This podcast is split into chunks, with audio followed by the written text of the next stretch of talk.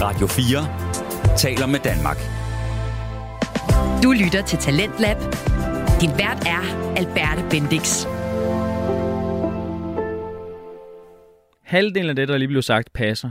Du lytter til Talentlab her på Radio 4, men din vært er altså ikke Alberte Bendix, det er mig, August Søgaard, her i aften. Og jeg kan sige velkommen til programmet. Det er jo et program, hvor du kan lytte til nogle af Danmarks absolut bedste fritidspodcasts, for der er mange af dem. Danmark de buner nemlig af nye radiotalenter, der alle sammen eksperimenterer med lyd, og de fortæller historier og deler ud af deres passioner og, og så videre og så videre. Og her på Radio 4, der får de altså muligheden for at udkomme, og samtidig med så får I lyttere muligheden for at opleve dem. Øh, og i dag, som øh, hvis I lyttede med inden pausen, så har vi altså også øh, to podcasts med på tapetet. Vi skal høre om, hvordan øh, en kvinde fandt sin tro i 7. klasse, og efter et øh, ret tumult liv, bruger den aktivt i dag i øh, sit liv som fitnessinstruktør og sangerinde. Men først så skal vi altså lige øh, hoppe tilbage til der, hvor vi slap fra inden pausen. Det var nemlig med øh, podcasten Den Stolte Far, hvor værterne Magnus Hvid og Niklas Ritter fortæller på godt og ondt omkring det der med at træde ind i faderrollen. Og øh, noget af det, de snakker om i dag, det er altså, at øh, Niklas Ritter han er blevet far for anden gang, og han har været inde øh, på hospitalet og overvære den her fødsel, og det foregik altså på en ret dramatisk måde. Og lige inden pausen, der afbrød jeg altså Niklas, som ved at fortælle om en, øh, hvad kan man sige, en lidt sjov eller mærkelig oplevelse, der skete inde på, øh, på fødestuen. Så øh, det skal vi da tilbage til. Vi fortsætter, hvor vi slap. Her kommer den stolte far. God fornøjelse. Det var om aftenen, ikke også? Og det er sådan noget med, hvor efter klokken 11, så skal de komme og åbne op nede for at komme ind på gangen. Ikke? Mm. Og den, der åbner op, var en, der var med til at hjælpe med Eddie. Sådan en gammel en, gammel dame, der kaldte sig selv for Svendsen. Hun har nok heddet, ja. hvad hedder det, Jonna Svendsen, ikke? Og jeg kunne kende hende, men hun var bare blevet korthåret. En gammel en, så siger jeg til hende, hvad, hedder du ikke Svendsen? Jo, det gjorde det. Nå, det er bare fordi, for, øh, sådan, for næsten tre år siden, der var vi her på barselsgangen med vores, øh, vores søn Eddie. Så nu, nu ligger vi op på neonatal med vores søn Elliot. Nå, okay.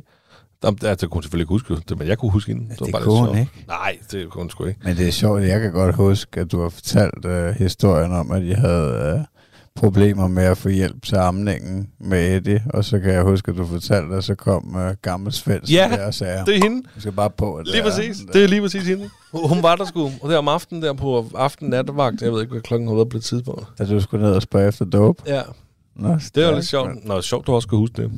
Ja. Men øh, ja, ja. Så, øhm, jo, men det er der, hvor vi så får at vide, at, øhm, at efter alt med hjertet og de der ting, alle tjekket det svin, at vi får at vide, at jamen, altså, I kan sådan set godt tage hjem. Han er klar. Mm. Det handler om, at Michelle er klar, men det kan de jo ikke afgøre. Det skal de ned på neonatal, eller der skal ned på barselsafsnittet for at høre, om hun er klar. Og der kommer de også op, og hvordan har du det, og bløder du meget stadigvæk, når du er ude og tisse, eller de der ting der, altså, og hvor har du, og ja, Mm. og så kan vi jo hurtigt konstatere, at øhm, vi vil gerne hjem, og hun ja. har det egentlig fint. Og så får vi lov til at tage hjem. Men vi får lov til at tage hjem med, at, at Michelle skal komme tilbage hver aften kl. 8 indtil om mandagen, for at få en eller anden indsprøjtning for øh, at forebygge blodprop. Nå, hvorfor troede de, hun skulle få en blodprop? Nej, men det, er jo, det, må, det må være nogle tal eller noget et eller andet. Det tror jeg, der er mange, der får. Altså, men hun havde nogle tal, der gjorde, at, øh, at hun skulle have noget, hvad ved jeg, blodfortyndende, et eller andet mærkeligt. Jeg aner det ikke. Jeg kan Det vide, kan jeg ikke huske. Altså, det har garanteret også noget på med, at, at, at det, fordi man ligger ned i lang tid måske. At Ja, ja, blod på benene eller noget. Hendes ben var jo store, der var vand i, masser af vand i kroppen og sådan noget. Altså, jeg kan ikke huske, hun bliver sikkert også irriteret på, når hun Ja, det kommer væk nu. Ja, vand. Ja, ja, det, Ja. ja. det går rimelig hurtigt, synes jeg. Okay. Der er selvfølgelig stadig noget mere, det er jo klart, det, er jo- det tager lang tid. Maven skal også falde sammen og sådan nogle ting der, ikke? Men Ja. ja. det, det er, der er... Øh, Ja, men hun er ude og, og løbe og sådan noget nu. er nogen ikke lige en løber, Ah, Okay. Michelle. Men, men jo, jo, jo, fuldt. Det var det, Ja. ja. som, altså, i forhold til dengang Eddie blev født, der lå, vi jo, der lå hun jo fandme på sofaen og kunne nok røre sig i tre dage, da vi, efter vi var kommet hjem, ikke? Jamen, jeg husker sagde mig også, som om min kone, hun var flækket. Altså, Ja. altså, ikke at jeg kan huske, hvor mange dage, der gik, før hun kunne det ene og det andet, men, altså, men, men alting, det var jo en kamp, ikke? Øh, Og, og bare det der med, at øh, altså, der boede vi oppe i en lejlighed på første sal, ikke? Og vi skulle op ad trappen, der, da vi kom hjem og de der ting. Øh, og jeg tror da nærmest ikke, efter vi var kommet hjem, så gik der nok en rum tid, før hun kom ud igen, tænker jeg. Ja, og det er jo lige, lige, altså lige præcis. Ja. Og der husker jeg det som, der var den her proces meget bedre. Ja. Der var hun meget mere klar, det synes hun også selv jo. Det er klart. Ja. Blev hurtigt mobil, og de var meget gode til, at du skal op og gå.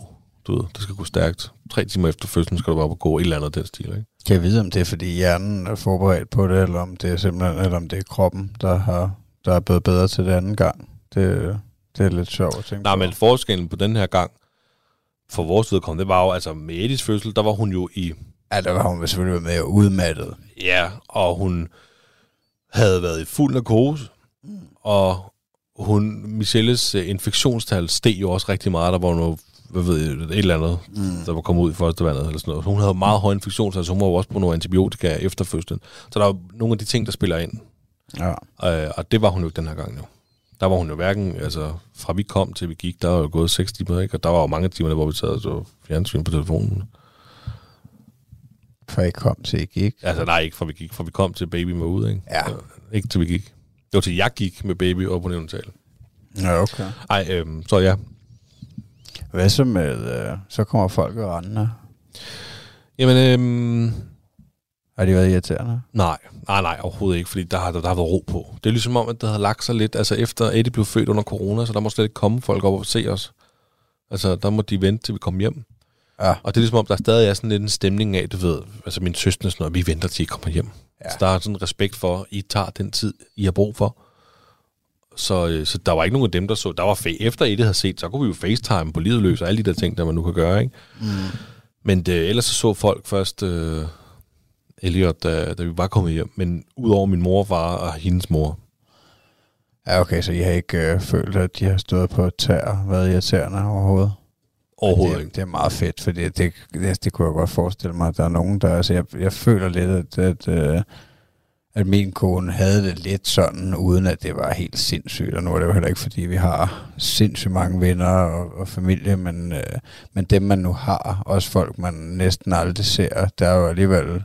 Når man får en baby, så er der jo gerne nogen, der stikker den frem og siger, hov, det skal vi da ind og se, ikke? Ja. Og det var også fint og sødt og alt muligt, men... Øh, og jeg kan huske, jeg synes, det var meget fedt, men måske knap så fedt for min kone, fordi at, øh, at hun er lidt slidt, ikke? Øh, altså, det har været en hård omgang, De ikke? ligger totalt sårbare, mand. Altså, det er jo ikke, øh, de har fandme kæmpe blæ på, og ja. de synes måske ikke selv, de lige er de mest attraktive personer på det tidspunkt. Nej, nej. Så det er måske rart, at folk de lige holder sig lidt væk. Ja, ja jamen, altså, jeg har det jo også sådan, at altså, altså, jeg tror, jeg tilbød agtigt, at vi kunne komme en af dagene efter, I var kommet hjem, men altså, men vi, der, vi var også bare rimelig enige om, følte, at, øh, at det kunne sagtens vente, altså mig og dig. Ja, altså, ja jamen, det er jo rigtigt, og det er jo også fordi, at det hele blev trukket en dag også, og sådan nogle ting. Der. Ja, ja. Og det er også fordi, der er en grund til, at, øh, at presse et besøg ind, bare for at besøge, fordi det er jo ikke, altså, Nej. de skal jo nok få lov, det var pissehyggeligt, de så altså, kom der til påske, eller hvad man siger, lige Ja. efter på. Ja, det har Og- været sådan en, en uge efter. Ja, fordi I var jo på skiferie og de der ting der. Ja, eller 14 dage måske næsten. Ja, det er også lige... Ja, det var Ej, fordi I- 14 dage. Var det det næsten? Ja, det har det næsten været. Uh, anyways, men... Uh, Nå ja, det- fordi ja, vi det var er på rigtigt. skiferie Ja, ja, i mellemtiden. Um, Ja, nå, men fedt, at I har haft en god oplevelse der efter. Jamen, det har vi. Altså, det, det, så er det jo alle de der andre hverdagsting, man lige pludselig bekymrer sig om, ikke? og alligevel ikke på helt samme måde, som dengang man fik nummer, i nummer et, den første. Og de der baby ting. Ja, ja. How to do. Jamen også noget som... Øh, Ja, skal en baby blank. ja, det vil jeg godt have en blank. Det er Magnus, der tilbyder. Den vil jeg godt have, sådan en blank der. Altså en lille en, baby blank. Tak skal du have. Øhm, nej, men det der, jeg kan huske første kamp, det skulle have Eddie. Det ved jeg ikke, hvordan du havde det med den kamp, da I fik Thomas. Men øhm, det en gang med Eddie, der satte jeg jo væk ud en gang i timen. Og det gjorde jeg nærmest i den første uge, eller sådan noget, for at sikre mig, en træk vejret. Ja, det kan jeg godt huske, du fortalte. Altså, jeg husker det ikke helt sådan, men alligevel altså lidt derhen af. Altså, jeg kan ikke huske, at jeg fysisk har, har, har stillet væk ud eller noget, men jeg kan godt huske, at, øh, at jeg havde den der, øh, om han træk vejret og de der ting. Ja, det gør jeg ikke nu. Og der har du været mere cool lige fra starten. Ja, sådan ret. Jeg, jeg kan huske første nat, vi var hjemme, der satte jeg lige væk ud og sådan noget. Jeg kan jo vi kom i seng sent, jo. Det må måske været 11-12, før vi overhovedet kom i seng. Og så var det lidt, jeg sætter lige væk ud til klokken 2, bare lige for, eller 3, bare lige for at tjekke ham. Mm. Og øh, min vækord nåede ikke at ringe, før han blev op og have mad, ikke? Det var fint nok. Altså, så jeg har endnu ikke prøvet at blive vækket med et vækord, men jeg har lige sat det sådan to gange de første to dage. Nu er det bare sådan, ja, ja, det, det går nok jo. Men det er jo også hende, der står mest for det, er det ikke? Nej, det er det så ikke, fordi hun ikke ammer. Ja, hun mig ikke, så det er jo det, det, er jo det nederen Ja. med mig, der hvor jeg kan give ham mad, jo. Ja, der bliver du kastet lidt. Fuldstændig. Det kunne være så på hvor fedt det kunne være. Jamen, det var Så så sådan, så godt. giver, det giver dog drengen mad. Altså, du kan Ja. med at prikke til mig. Jeg kan ikke gøre noget. Giv, dig, giv ham mad. Det er ikke sådan. Nu kan hun prikke til mig, du ved ikke, og det gør hun sgu også.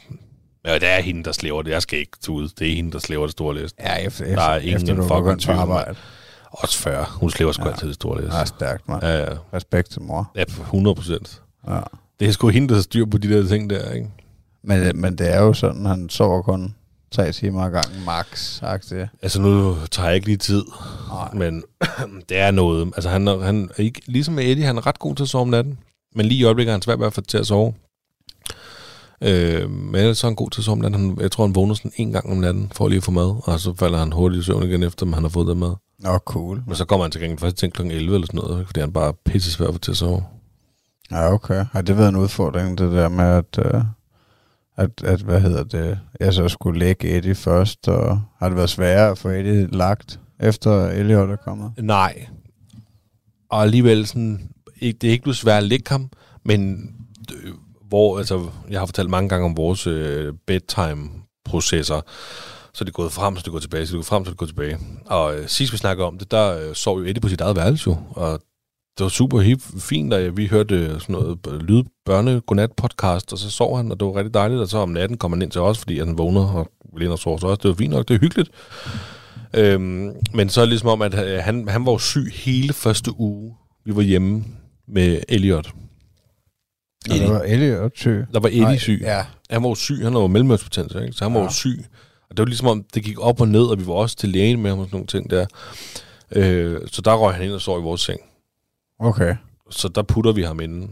Og så går jeg så ned igen, når jeg har puttet ham, og ned til Elliot og mor. Og så er vi op yderligere nogle timer, og så går vi op og sover i samme seng med Eddie. Og det gør vi faktisk stadigvæk.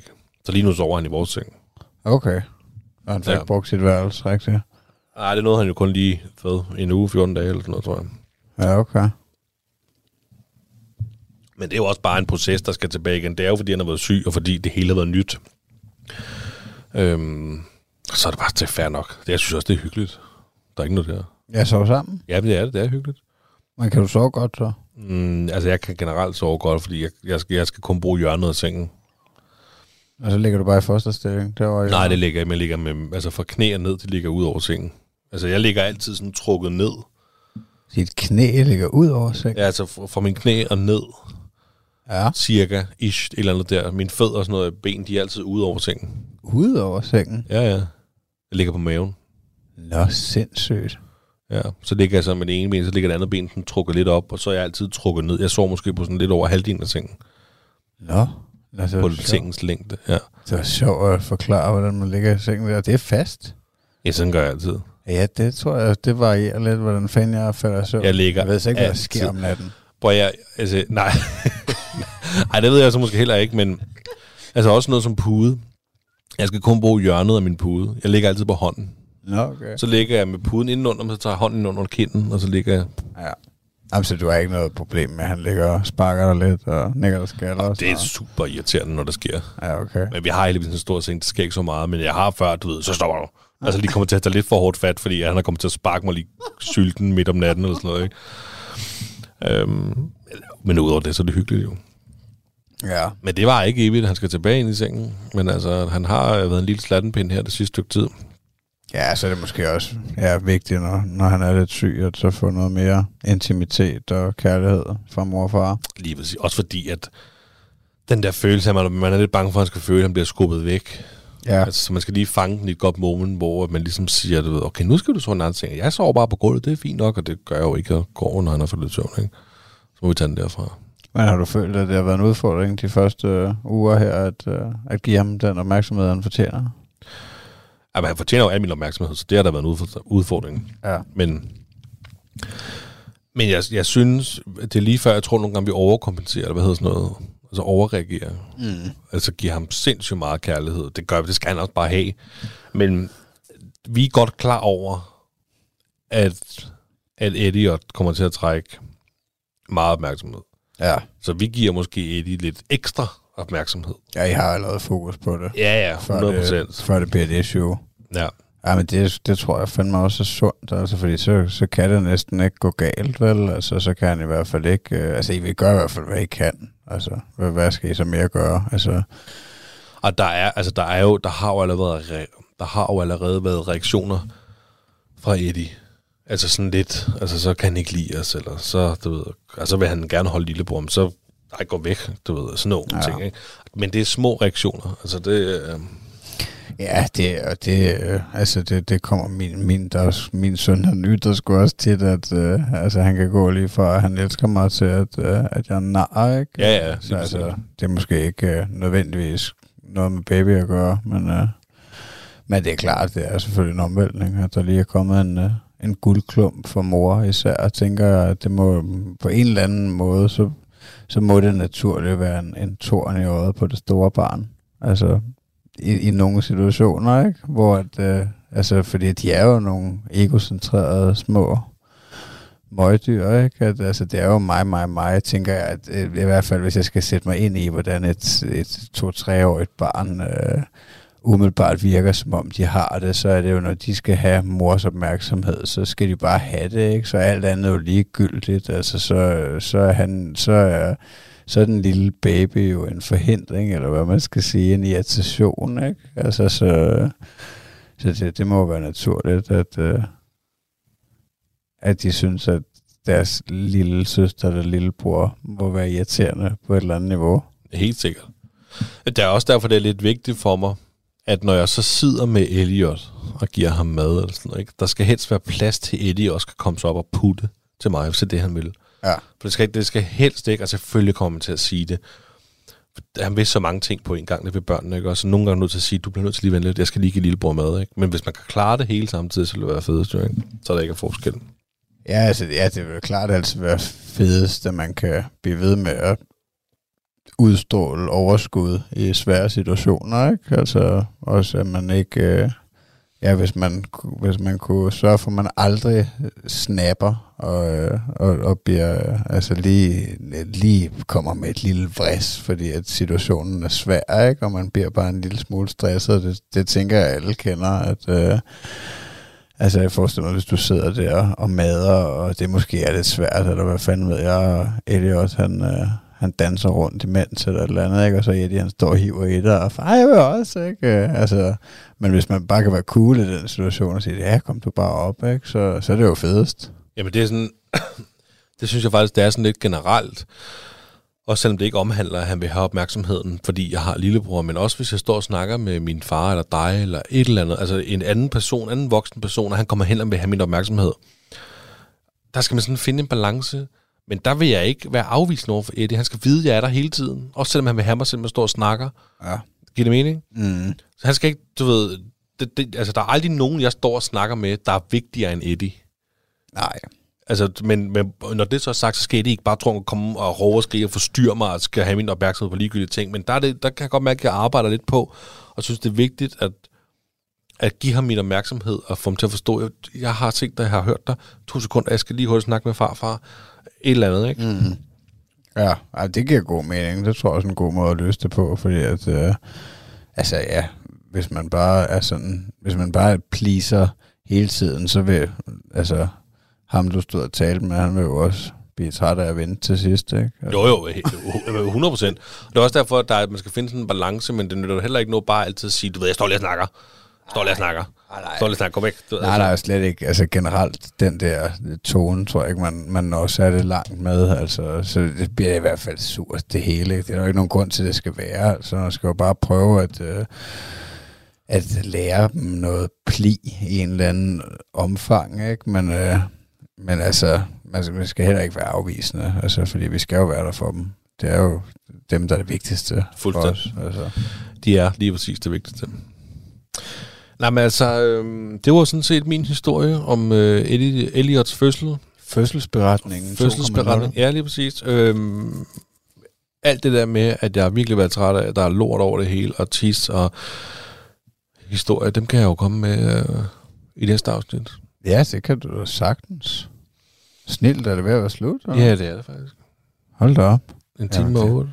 Hold da op. Ja, det er jo svært, når man Og vi har ikke engang grinet nu. Og du, jo, jo, vi har grint, og du har grint. Altså, dit grin.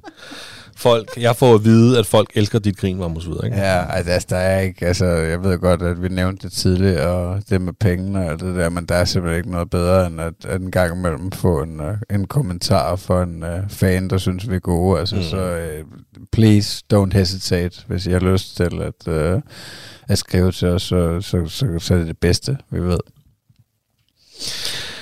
Skal vi, øh, Vi har en joke. skal vi have en joke? Ja, altså, hvis, uh, hvis du har en. Jamen, øh, jeg har en. Har du en? Ja, jeg har også en lille en. En lille en. Hvem den skal først? Jeg ved ikke, hvad synes du? Skal jeg gå først? Ja, så kom. En mand er hos lægen.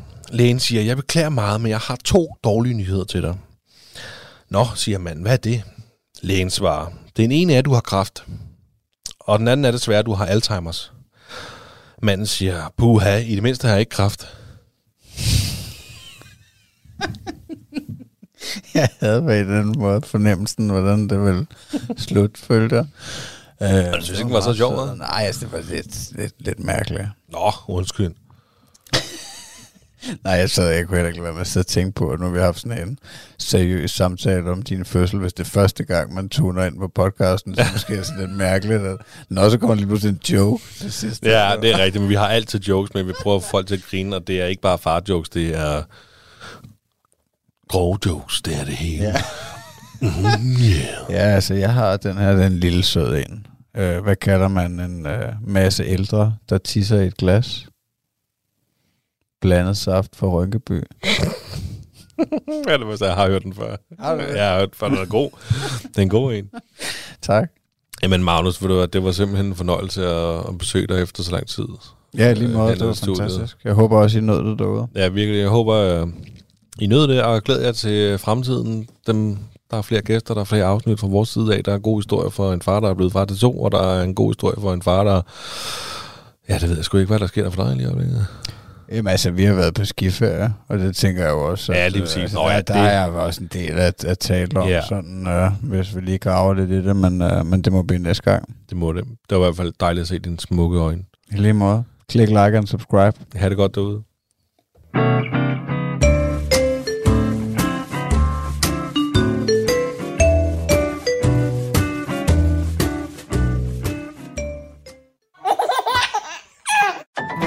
Du lytter til Radio 4. Det var det fra den stolte far. Nu er det slut med mandesnak og farjokes, og nu skal vi nemlig høre fra nogle kvinder. Det skal vi. For i podcasten Kvindeliv og Tro, der inviterer vært til Bente Skov spændende kvinder ind, ind i sin øh, podcast til at fortælle om deres øh, ja, personlige rejse og hvordan tro spiller en rolle for dem. I dagens afsnit, der har hun en gæst med, som har levet øh, et ret tumult liv, så som har haft religion med som følgesvend hele vejen igennem. Nu kommer øh, Kvindeliv og Tro med Bente Skov.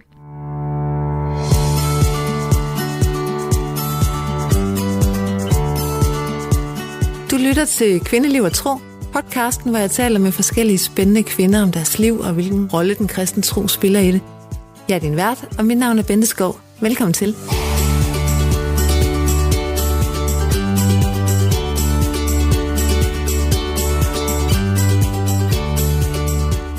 Jamen, velkommen til. Vi sidder her, jeg sidder sammen med Rina i hendes stue her på landet på Midtjylland, og rigtig, rigtig smuk udsigt. Så velkommen til, Arina. Tak fordi du vil være med. Tak fordi jeg må. Ja, det var så lidt. Har du lyst til, at, inden vi rigtig går i gang, lige at, fortælle lytterne en lille smule om, hvem er du?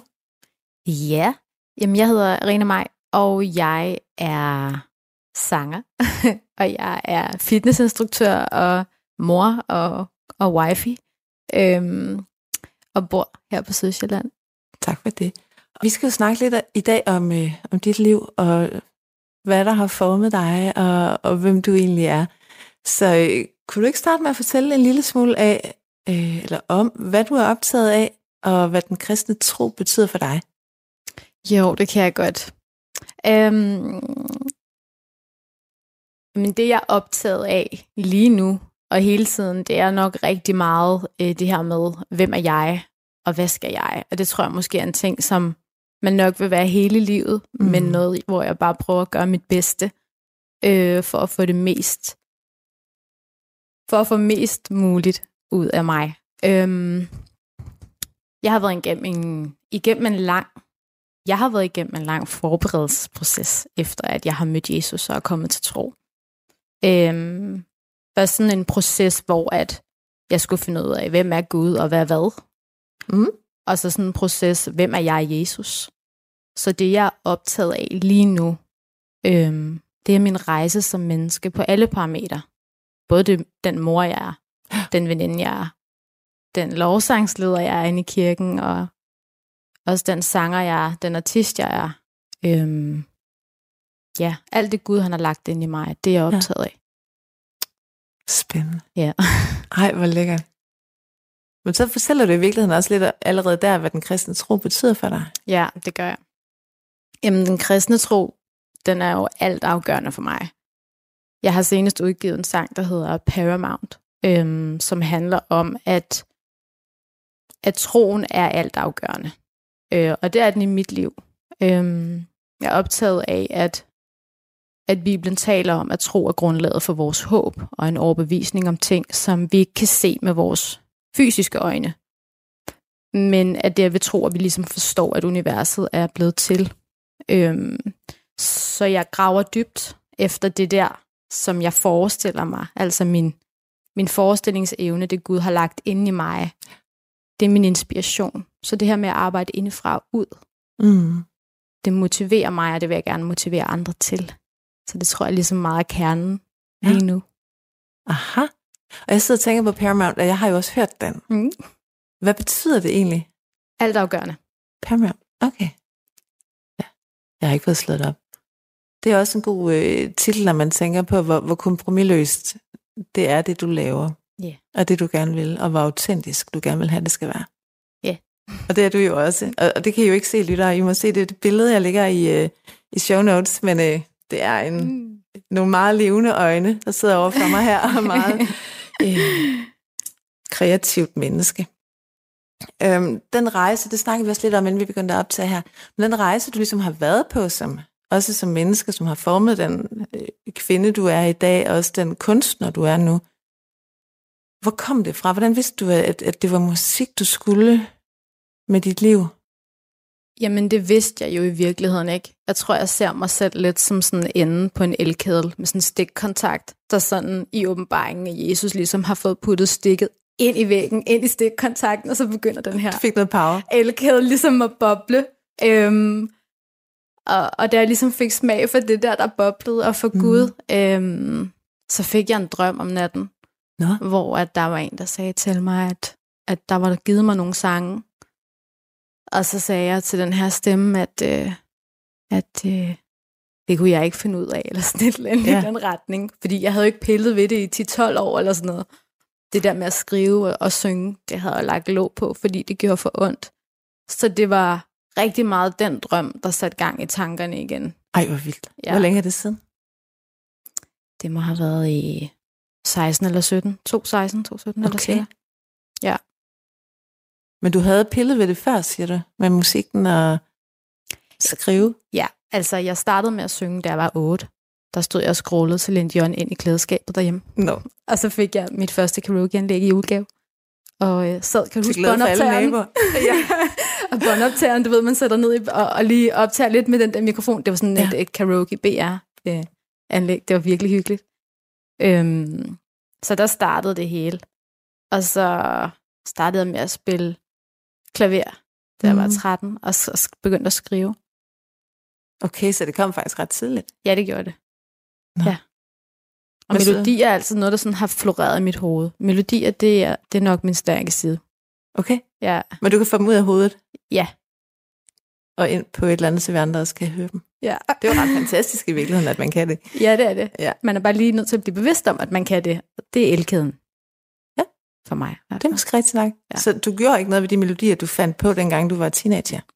Øhm, det gjorde jeg jo, fordi mine forældre, de hævde mig ned i et eller andet. Der var en eller anden lydmand eller studie nede i Solrød, kan jeg huske, hvor jeg kom ned og brugte min weekend, der hvor jeg fik lov til at indspille mine sange og sidde med mit lille keyboard og køre dem ind. Øhm, men, men det der jo var med de tekster dengang, de var, de var meget sørgelige. Altså det er meget tydeligt, når jeg sidder og læser dem i dag, så havde jeg brug for hjælp. Altså, Okay. Øhm, det, her, det var sådan noget med, at mit lys var gået ud, og at jeg, når jeg, når jeg var helt fjern, så, øh, så henvendte jeg mig til noget, der var større, og så allerede der var der en proces i gang. Okay. Ja. Ej, det jo spændende. Mm. Men, men du, du lagde låg på. Hvorfor gjorde du det? Jeg lagde låg på, fordi at da jeg var, hvad har vi gået i 7. klasse, der havde jeg en veninde, som mistede sin storebror. Han døde af kræft. Og på det her tidspunkt, der var jeg sådan i et forhold med en pædagog, hvor jeg blev manipuleret godt og grundigt, øhm, som resulterede i et overgreb. Og et år efter, der dør min veninde så. Og inden det, der havde vi lavet et skoleprojekt, som, øh, som vi skulle ligesom finde ud af, hvor Gud var henne i storebrorens død. Ja. Så vi lavede et projekt omkring det med at være protestant og katolik, og hvor hen Gud var i de her dødsfald. Fordi at det er jo nemt nok at sige, at det her det er Guds skyld, Mm-hmm. at folk de dør. Ikke? Vi, Jo. kan, vi kan ret hurtigt bebrejde, at det er ham. Fordi så har vi det bedre som mennesker. Ikke? Fordi så har vi et svar på, at der må der være nogen, ikke? der står bag ved den. Øhm, så det dykkede vi ned i. Mm. Det er da helt vildt stort, altså en, en stor opgave at gabe over for to piger i, i syvende. Ja, jeg, jeg kan også huske, at vi lavede sådan en dokumentarfilm, hvor jeg rendte rundt ind i København med sådan en lille mikrofon og lavede øh, tv-vært, ikke? Ja. Ej, det var ret hyggeligt. Men, Ja. øh, men det der gyldne svar, som jeg har i dag, det, det fik vi ikke dengang. Jeg, vi fik egentlig ikke rigtigt... Vi fik, at, at Jesus var en lighed, og at han havde været her, og at man kunne bruge Gud, men, men, men lige resten, den fik Jamen, vi jeg tænker også, du laver det her sammen med din veninde, fordi hendes storebror lige er død. Ja. Og et år efter er hun død. Ja. Altså, det må være sindssygt. Der begyndte livet slet ikke at give mening. Og slet ikke, det, ligesom forholdet mellem den der pædagog og jeg, det stoppede jo også. Så jeg havde faktisk ikke rigtig nogen, som var tæt på mig. Fik du hjælp af nogen? Altså, var der nogle voksne, der, der hjalp dig og så, hvad der foregik, eller hvad? Ja, det var der. Det Okay. var der. Men jeg ville ikke modtage hjælpen. Nå. Og det ville jeg ikke, fordi at øh, når jeg ser tilbage, så var jeg jo vred. Jeg var vred, fordi at der var nogen, der havde taget ham fra mig, og min veninde fra mig, Mhm. mm-hmm. og jeg følte ligesom, at det hele smuldrede. Ja. Ja, og du har været midt i den der tid, man også er som ung pige, hvor man skal til at, at finde ud af, hvem man selv er. Ja. Man er jo vanvittigt sårbar i den alder. Jamen, jeg tror egentlig heller ikke, at jeg fandt ud af, hvem jeg selv var på det tidspunkt, som måske så mange andre gør. Det, det blev sådan en, en rigtig lang identitetskrise Okay. øh, med mange diagnoser og mange udfordringer. Og, Men diagnose, hvorfor begynder det at komme ind i, i billedet? jamen, det gør det, fordi at jeg begyndte at være selvskadende efter den her proces. Øh, efter de situationerne, som var sket, så var jeg selvskadende. Jeg skar mig selv og kom til at tage en overdosis af piller. Da Og her går du været i 8. Da, ja, jeg har faktisk gået 8. 8. klasse. Du har været ung. Er rigtig ung, og lidt for tidligt at lege med piller. Og? Ej, Ja, eller... så man kan sige, det, det der med at, at begynde at være selvdestruktiv, det, det tog også på relationerne, fordi det gjorde ligesom, at veninderne, de andre veninder, de var sådan meget, ej, hvad er der galt med dig, og de havde svært ved at forstå, og det var jo bare opmærksomhed, og der var jo ikke nogen, der vidste, hvad der foregik. Der var ikke nogen, der vidste, hvad der havde foregået. Øh, det vidste jeg jo bare. Så fik jeg et skoleskift. Ja. Og så fik jeg et skoleskift mere. Og så Så- havnede jeg på en efterskole. Hold op, så du går på tre skoler på hvad? Tre år? Ja, to. To år? Ah, Ja, okay. Der har været gang i den der. Øhm, Ja. Hvordan kommer du videre? Altså, hvor, hvor lang tid tager det her? Du siger, du får en diagnose. Hvor- Hvornår dør din veninde i alt det her? Min veninde, hun dør, da vi går... Nej, da jeg har gået i 9. klasse på efterskolen i tre uger, der dør hun. Så jeg er faktisk på efterskolen Okay. øh, på det her tidspunkt. Øhm, jeg får en psykolog derovre på efterskolen, som min forstander sidder og kører mig til hver uge. Øhm, Ja. Som var en kæmpe hjælp for mig, kan jeg huske. Men det var slet ikke nok. Så jeg tror ikke, lige, det må være derefter, at da jeg så kommer hjem, nu skal de tænke, ikke? Der er altså bare mange Nej, jeg har været indlagt, inden jeg kommer på efterskole første gang. Så det her, det er ikke den første psykolog. Jeg har haft to inden. Ja. Så da jeg kommer hjem fra efterskole, skal jeg så starte i 10. klasse. Ja. Og den er også svær at gennemføre. Så man kan sige, Ja. allerede der, der kom jeg på medicin. Øhm, men når du spørger med det der med diagnoser, hvorfor får man en diagnose? Jamen det gør man jo, fordi man er selvskadende, fordi man ligesom ikke har det godt, og det er svært for verden at forholde sig til. Ja. Så verden kan forholde sig til, at man har en diagnose, fordi så ved de, okay, men hun har svært ved at mærke sig selv. Okay, hun har svært ved at styre sine følelser. Hun er impulsiv. Hun er... Så lige pludselig så bliver det mine personlighedskriterier. Mm. Og ikke, hvad der i virkeligheden har udløst det. Nej, ikke det, som der ligesom var grunden til, at jeg havde det på den måde. Ja. Ja, Nå. Okay, så du kommer hjem, du er, øh, du er i hele den her proces, hvor, hvor du får diagnoser, du har været indlagt og sådan nogle ting. Du kommer jo på en eller anden måde videre. Kan du huske, hvad der sker? I, jeg kommer videre. Åh, så bliver jeg 15, jeg bliver 16, jeg bliver 17, jeg bliver 18. Og det er bare, nogle, det er bare kampe. Det er Mm. kampe. Jeg kan faktisk ikke rigtig huske andet end sorte huller og dårlige forhold. Øh, jeg tror i virkeligheden, det var sværest for min mor og far. Hvornår kommer jeg videre? Jeg bliver 18, jeg flytter hjemmefra. Ja. Flytter hjemmefra som 17-årig. Tænke, tænke. Øh, jeg flytter hjemmefra. Øhm, og arbejder. Det sociale var svært. Kan jeg huske. Mm. Øhm, Det er der heller ikke noget at sige til. Nej.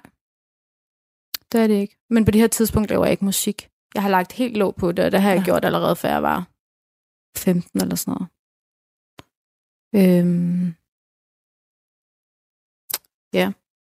Kan du huske, hvornår du så ligesom... Fordi du, du er jo et godt sted i livet i dag. mm. Så på et eller andet tidspunkt må der være kommet noget håb ind, eller noget, nogle gode mennesker. Noget, som har øh, fået dig tilbage på, på et spor, du kunne se dig selv følge. På Ja, altså, der var ikke nogen, der på noget tidspunkt, hvis vi snakker psykiatri, kommune, alle de her ting, der er ikke sådan noget på et tidspunkt, hvor jeg tænkte, det her, det hjælper mig virkelig. nej. Men i 10 år, der havde jeg en støttekontaktperson fra kommunen, som kom og var en del af mit liv. Og det var faktisk noget, som var vigtigt for mig. Havde du den samme i 10 år? Den samme 10 år. Det må man... Jeg kender hende stadig i dag. Nu er hun ikke på papirerne, vel? men Nej. hun er, hun er dejlig. Ej, hvor vildt. Det var ligesom at have en, øh, en, der kom lige og løftede mig som en opgave, Ja. som så blev til en god relation. Wow, det siger altså lidt om commitment, at... Ja. Åh. Og der har været en gennemgående person, Ja, fordi der har været rigtig mange andre, som bare kom og gik og kom og gik. jamen så, kommer, så har du jo en behandler, og lige pludselig så er hun stoppet. Eller så kommer man i gruppeterapi, og så sidder man der med otte andre, der er måske et stykke bedre eller værre end en selv, ikke? Og så Mm. kom der to nye terapeuter ind, og så skulle du ligesom skifte igen. Ikke? Altså, der var hele tiden mennesker, hele tiden nye mennesker, som skulle tale ind i ens liv. Ja. Og man kan sige, det bliver du ikke stabil af. Hvis vi snakker om, at vi skal have et liv, hvor vi skal virke, så er vi jo nødt til at have en form for identitet og stabilitet i os og omkring os. Det starter nok vigtigst af alt inden i os, ikke? Så Jo. kommer det ud fra bagefter. Men, men det var ikke nogen mulighed. Det var bare råd. Ja. Om det har det jo været. Ja. Hold op. Og, og nok også mest af alt på grund af medicin. Medicin er ikke godt. Nej. Det, øh, det, det dulmer rigtig meget, at, at man kan mærke sig selv. Hvor længe var du på medicin? Jeg har nok været på medicin, hvad? 10 år eller sådan noget? Det er altså også en lang, 12, 13? en Nej, lang flere år. periode ja. af dit ungdomsliv, du har været øh, Ja. duppet. Det havde jeg var sagt. både medicin. Eller i hvert fald haft nogle sanser bedøvet. Ja. Men det kommer du også ud af. Ja, Hvornår skal det? jeg bliver medicinfri i 2014. Da jeg bliver mor. Ah. Ja. Ja. Ja. Det forklarer det meget godt. Kunne du så mærke, at, at hjalp det dig? At blive mor? Ja, Jamen, også at komme ud af medicin og sådan noget. Jeg tænker, der har nok været nogle ting, så du pludselig har kunnet mærke, som du ikke har, har mærket før. Jeg tror, en af de vigtigste ting lige her, øh, det er, at man lige tænker på, at der manglede jo et formål. Et formål for at komme ud af sin onde sjæl. Ja. Ja. Og i og med, at man så bliver gravid, selvom det måske var sådan lidt, hov, nu er jeg gravid, så blev, var der alligevel sådan et eller andet inde i mig, der tænkte, godt, så lægger vi hele livet om nu. Ja, det var det, der skulle Og se. det formåede jeg faktisk. Ja. Der er ret stolt af mig selv. Øh, og så blev jeg mor, og jeg blev medicinfri, og fik skabt mig min lille familie. Men, men, men så var det mit formål. Ja. Men du kan heller ikke leve livet igennem dine børn. Så der vil alligevel mangle noget mere. Hvad skal du så gøre, når de flyver for redden? Ja, lige præcis. Så får man det der tomrum måske, eller i virkeligheden ja. også en angst for den der, der skal ske, selvom de er små. Ja. Aha. Aha, ja. Men øh, nu har du børn. Nu har jeg børn. Du lytter til Talentlab på Radio 4. Du lytter til Talentlab, og vi er i gang med at høre om Arina Majs historie på godt og ondt, og om hvilken rolle tro har haft for hende i øh, podcasten Kvindeliv og Tro med din vært Bente Skov. Og Arina Majs liv, det er altså et liv, der har været præget af, som I har hørt, hvis I har lyttet med i hvert fald, selvskader, diagnose og, og medicinering. Og nu til at stå altså i dag som øh, mor og fitnessinstruktør og sangerinde. Det er altså, ja, det er mega sejt. Det har også været en sej kamp, kunne man høre, og nu skal vi til at høre, hvilken rolle øh, religion har spillet i alt det her i, øh, i podcasten Kvindeliv og Tro. Den kommer nu. Hvor, hvornår, øh, du har jo fortalt i starten her, at, at du siger, at Jesus han kom ind. Mm-hmm. Hvor har han været hen i alt det her? Jamen, øh, ja, hvor har han været henne i alt det her? Men i virkeligheden, så tror jeg måske, at han har været der hele tiden. Det er nok bare mig, der har haft ingen tro og lukket øre og øjne, tror jeg. Mm. Øhm, ja, altså, da... Skulle jeg til at sige, da klokken blev 10, det skulle jeg ikke sige. Undskyld. Øhm, da, ja, i 2016, der kan jeg huske, at, øh, at ungernes far og jeg, vi ligesom var gået fra hinanden, og jeg bliver tilbudt et job i et fitnesscenter, og der møder jeg så min mand Mikas, Ah, som så er kristen, ja. og går i kirke. Um, og han taler jo rigtig meget om Jesus, og hvad Jesus kan, og hvad man kan bruge ham til, uden at pådutte mig noget. Det Ja. har han sådan set aldrig gjort. Så er han egentlig bare åben om, hvor han selv står. Ja, og hvad er det menneske, han er. Ja. Og jeg tror, det er måske noget af det vigtigste, det er det der menneske, vi er. Altså, han har ligesom været den der stabile søjle, der bare har stået. Så uanset hvor meget jeg har skaret ud, eller slået til søjlen, så er han bare sådan, nå ja, okay. Nå. Altså, ja, så Men der har måske også været noget af, den der, noget af det ægte liv, som du ikke har selv mødt ret meget af i rigtig mange år. ja, og måske en, en stabilitet, ja. som jeg har higet efter at finde. Mm. jeg har jo været rodløs, uden formål. Øh, og man kan sige, selvom du har hus, børn, en mand, Villa Vorse, skulle jeg til at sige? Jamen hvis ikke du har noget formål med dit liv, så er det da lige meget, hvor meget det pynter. Ja. Fordi du, du bliver jo ikke glad indeni. Og jeg tror, det var det, jeg manglede. Og Mikas, han var sådan, hvad drømmer du om? Og jeg var bare sådan, "Jamen, jeg vil bare gerne jeg vil bare gerne undervise aerobic. det, var sådan, det var jo en drøm, jeg havde om, mm-hmm. at jeg havde undervist i, i aerobic og step og potty pump og flow og alt muligt i, i 10 år eller sådan noget. Så det er sådan, det var ligesom noget, en noget af min identitet, og det kunne jeg finde ud af. Som du vidste, du var god til. Det vidste jeg var god til, så det var jo meget hurtigt. Det er, ligesom, det er min drøm. Mm. Og så siger han, så åbner vi bare, vi laver en holdafdeling, og så kan du undervise. Det gjorde vi. Og så var det jo, at, øhm, at den anden drøm jo, som... Men det der, når folk de spørger, hvad drømmer du om, så er man lidt beskeden, ikke? Eller jeg er i hvert fald. Jo, jo, for det skal også være realistisk. Det skal jo også være realistisk, Ja, men sådan tænker Gud jo ikke. Nej. Gud, han tænker jo ikke, som vi tænker. Og det er jo det, der er lidt fantastisk. Så hvis Mika sådan lige prikker til det igen, hvad drømmer du om? Så vil jeg bare gerne synge. Bare gerne synge dag ud og dag ind, og det synes jeg er rart. Jeg har, når jeg synger, så har jeg ligesom, hvis andre sidder i spabet, tror jeg. Så har jeg det bare godt. Der er du på de gode steder. Ja, det er Ej, rart. fantastisk. Ja. Hvornår opdager du i virkeligheden, at det er det, sangen gør ved dig? Øhm, Altså igen, efter du selv har vidst det, da du var barn. Ja, hvornår, ja, hvordan, ja, hvordan det. Jeg tror, det kommer med, at, at Mikas kommer ind i mit liv, der kommer ro, og jeg begynder at kunne sidde ved mit klaver igen. Så kommer de der stunder tilbage, hvor det bare er Mm. mig, mit klaver og alle mine idéer. Ja, Så bliver faktisk pustet liv i noget der igen. der er elkedel.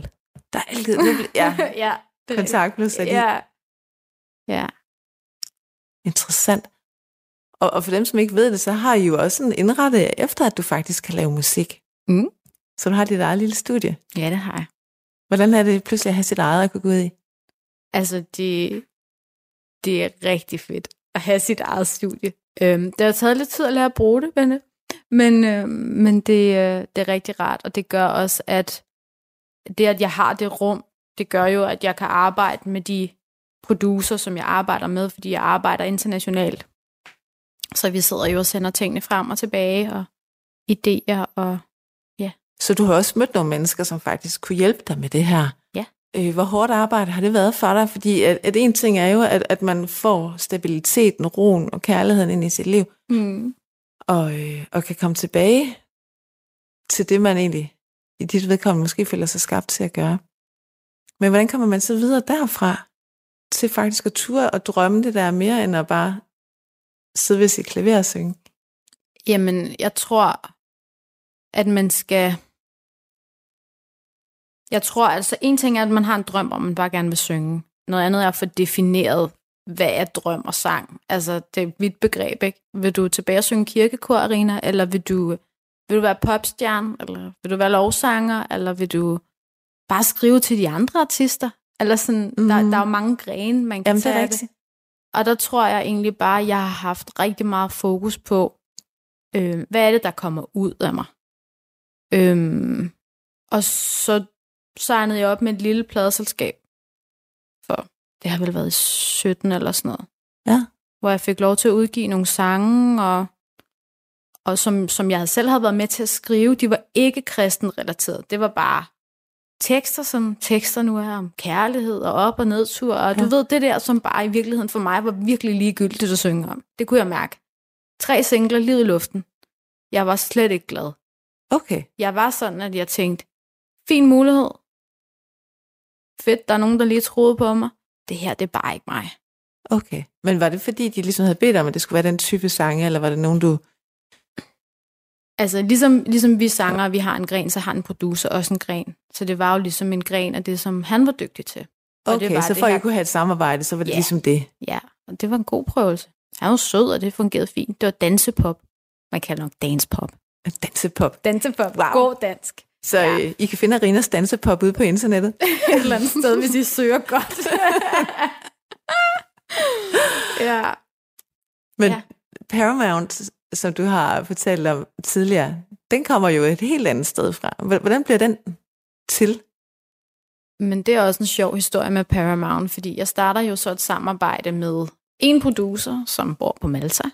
Øhm, og øh, han har lige pludselig en god ven, som synes, det også kunne være spændende at være med. Og den her gode ven, han er så tidligere producer for Celine Dion og Nelly Furtado og alt muligt, så jeg får vildt koldfød. Så han ved godt, hvad han snakker Så om. han ved godt, hvad han snakker om. så jeg var sådan, ja, jo, ham kan vi da godt tage med på rejsen. Det kunne være hyggeligt. Altså, troede du på, at det ville kunne lade sig gøre? Øhm, jeg, ved, jeg ved faktisk ikke, hvad jeg har tænkt. Jeg tror bare, jeg kastede mig ud i det, og tænkte, det gør vi bare. Så lavede vi en af singlerne, som så skal kommer på EP'en, den startede vi ud med, og så fandt vi ud, det her, det virker, det kan vi godt. Og så startede vi så på de, på de andre. Øhm, så man kan sige, Paramount er rigtig meget, øh, den er sådan lidt 90'er inspireret, ikke? Og hvor er vi hen i forhold til, til dansepoppen? Er vi et nyt sted, eller hvad? Jeg tror godt, du kan danse til den, men den er jo ikke dance. Den er overhovedet ikke dance. Den er meget mere pop-rock, nul og lyd, ikke? Mm. Og, og Ja. hvor, altså, hvor meget får du lov til bare at være Arina i processen med den her sang?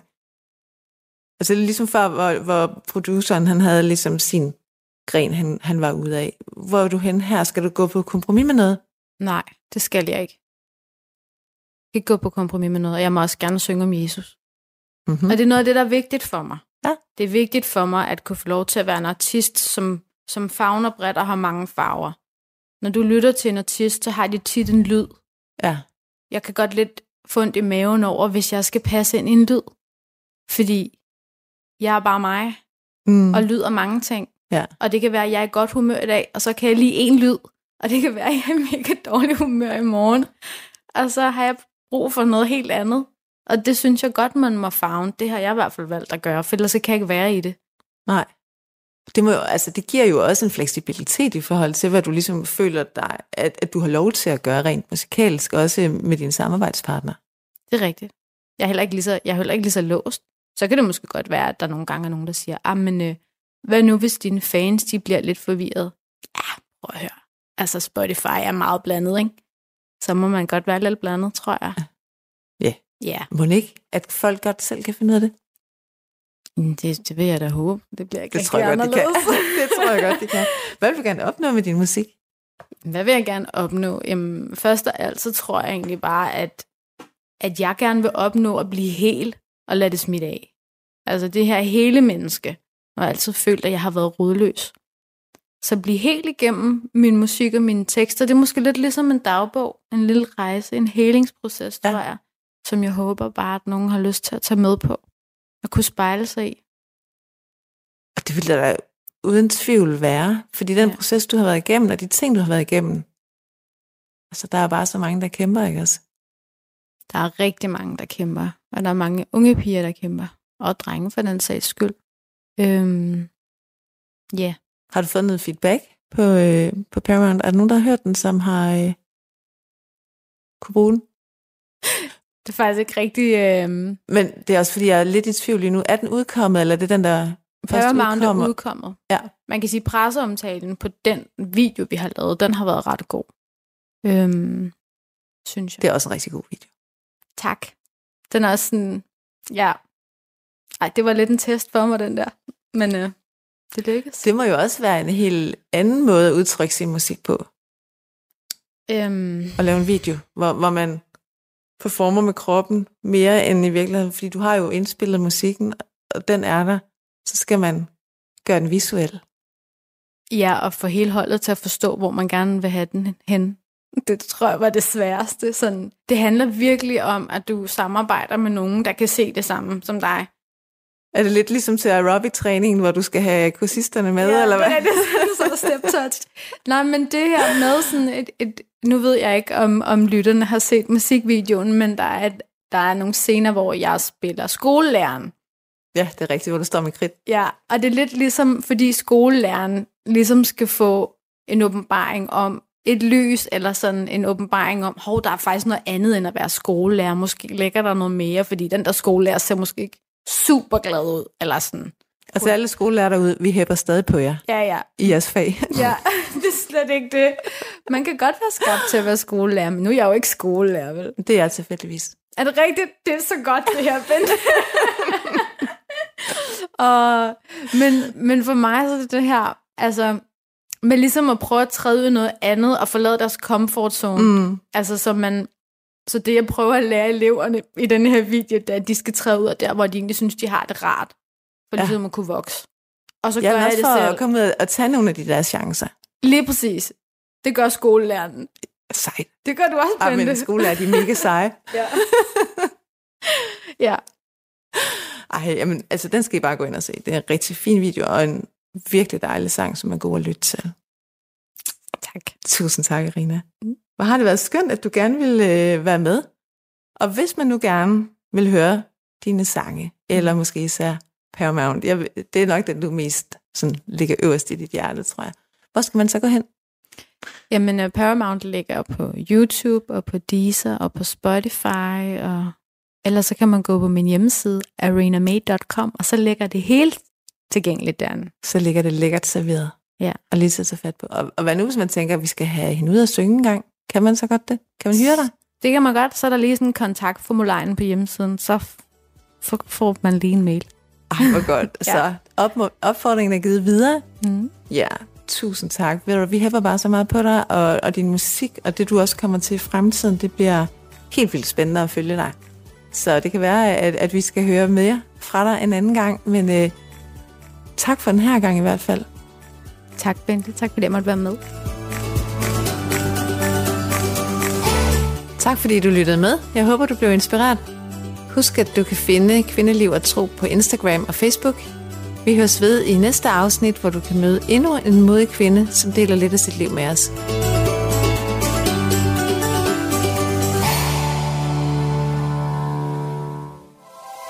Radio 4 taler med Danmark. Det var det for Kvindeliv og Tro, hvor øh, verden, Bente Skov, hun snakker med spændende kvinder, og hvordan øh, tro har spillet en, øh, ja, en rolle i deres liv. Dagens gæst, det var hende her. Dagens gæst, det var Arina Maj, der er sanger og fitnessinstruktør, og som altså har haft et, øh, ja, et godt, men også et tumult liv, ikke? Øh, men som nu er landet rigtig, rigtig godt i det sydsjællandske. Det var alt for i aften. Tak fordi I har lyttet med. Vi høres ved. Du har lyttet til en podcast fra Radio 4. Find flere episoder i vores app, eller der, hvor du lytter til podcast. Radio 4 taler med Danmark.